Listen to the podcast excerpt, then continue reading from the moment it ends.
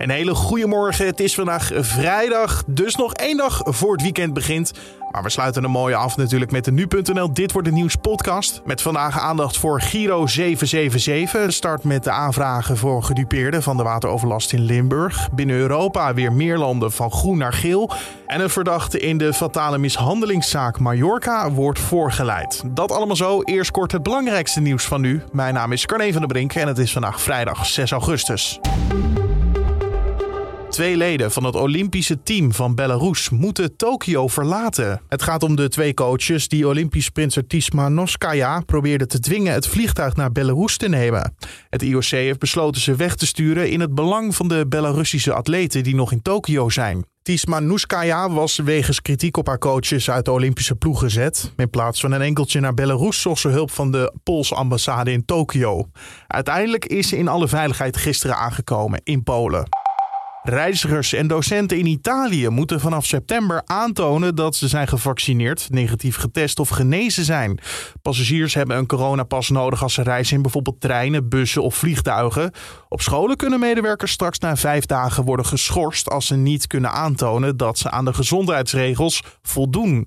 Iedereen vanaf 12 jaar heeft vanaf vandaag zo'n gezondheidsbewijs nodig in Italië om binnen te eten bij restaurants en om toegang te krijgen tot bijvoorbeeld bioscopen en musea.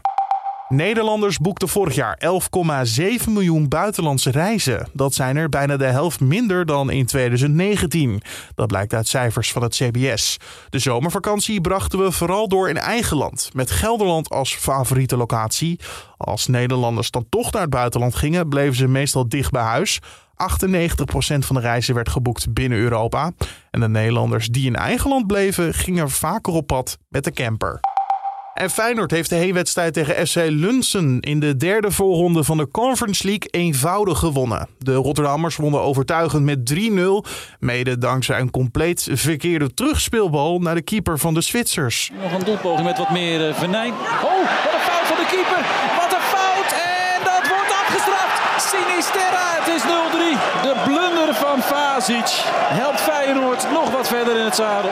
Zo was te horen bij ESPN. Volgende week is de returnwedstrijd in de Kuip. En mocht Feyenoord dan winnen, dan moet er nog een voorronde overleefd worden om het hoofdtoernooi van de Conference League te bereiken.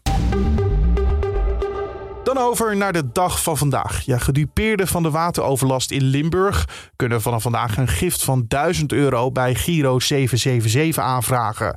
Het is de bedoeling dat het geld snel wordt uitgekeerd aan iedereen die de begaande grond heeft zien overstromen. Hoeveel mensen hoopt de organisatie te helpen en zal alles ook soepel verlopen?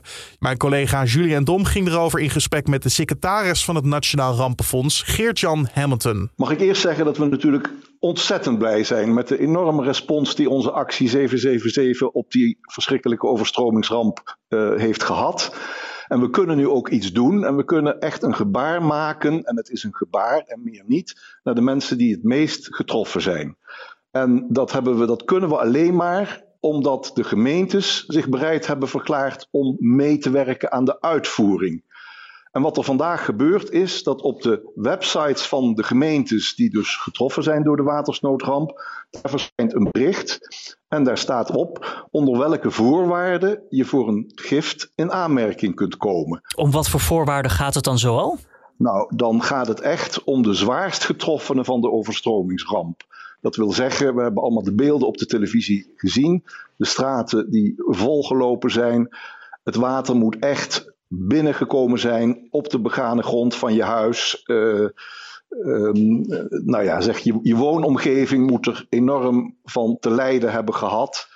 Uh, dus dus uh, ja, lekkage en, en schade aan de garage en dat soort dingen niet. Het criterium is dat het woongedeelte van je huis onder water is gekomen en daar schade aan je spullen, muren en dergelijke heeft aangericht. Controleren jullie dit dan nog of is dit op kader van goed vertrouwen? Van als je een aanvraag doet, ga ervan uit.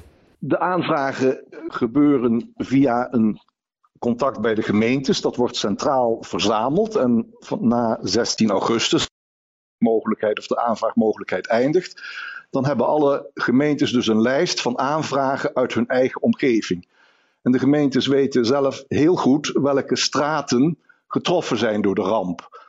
dus die hebben zelf een beeld uh, welke postcodes te maken hebben gehad met die overstromingen. En daar gebeurt dus op dat moment de check. Dus als iemand een aanvraag doet uit een wijk die helemaal niet in de buurt van die overstroming lag, dan valt zo'n adres er zeg maar gewoon uit. Dus het heeft ook geen zin om dan een aanvraag te doen uit die hoek, want dat wordt er uitgefilterd. Mensen die een aanvraag indienen, die wordt goedgekeurd, dat is helemaal eerlijk en oprecht.